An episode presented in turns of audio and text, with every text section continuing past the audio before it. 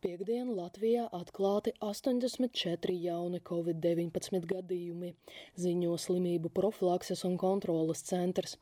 Miruši astoņi cilvēki, viņi visi bija vecāki par 60 gadiem.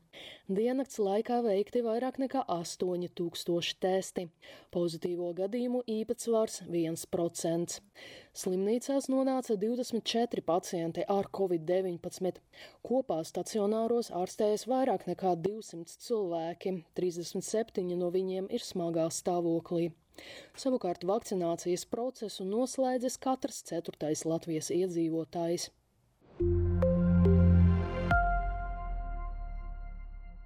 Cilvēki, kuri ir saņēmuši AstraZeneca ražotās vakcīnas pirmo devu un jau skaitās imūni pret koronavīrusu, šodien lietotnē Covid-19 Verify saņēma nederīga certifikāta ziņojumu, novēroja Delfi. Nacionālais veselības dienas ziņo, ka tas ir saistīts ar tehniskām problēmām digitālā certifikāta darbībā, un traucējumi bija konstatēti vēl piekdien. Nacionālais veselības dienests organizēs izbraukumu vakcināciju gada tirgos, ziņo Leta. Pasākumos mediķi izmantos Janssen ražotas vakcīnas, kuram ir nepieciešama tikai viena deva. Poti varēs saņemt ik viens bez iepriekšēja pieraksta. Šo sestdienu potes bija pieejamas aizkrauklē, gulbenē un talsos. Krievijas galvaspilsētā Maskavā diennakts laikā konstatēts rekordliels jaunu covid-19 gadījumu skaits - pāri 9000. Par to ziņo aģentūra Leta. Iepriekšējais rekords bija sasniegts decembrī ar vairāk nekā 8000 saslimušo.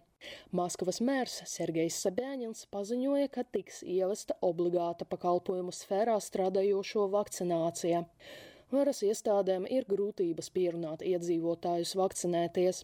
Maskavā no 18 miljoniem cilvēku ir vakcinējušies vien nepilni 2 miljoni. Sakarā ar strauju slimības izplatību Maskavas slimnīcas nolēma sniegt plānveida medicīnisko palīdzību tikai vakcinētiem iedzīvotājiem. Lēmums ir pieņems, lai pasargātu pacientus no inficēšanas, skaidro varas iestādes. Pakalpojumi būs pieejami arī tiem, kuri medicīnisku iemeslu dēļ nevar potēties. Neatliekamā palīdzība tiks sniegta visiem bez izņēmuma. Covid-19 dienas apskatu sagatavoja Ksenija Kaļiesņikava, portāls Delfi.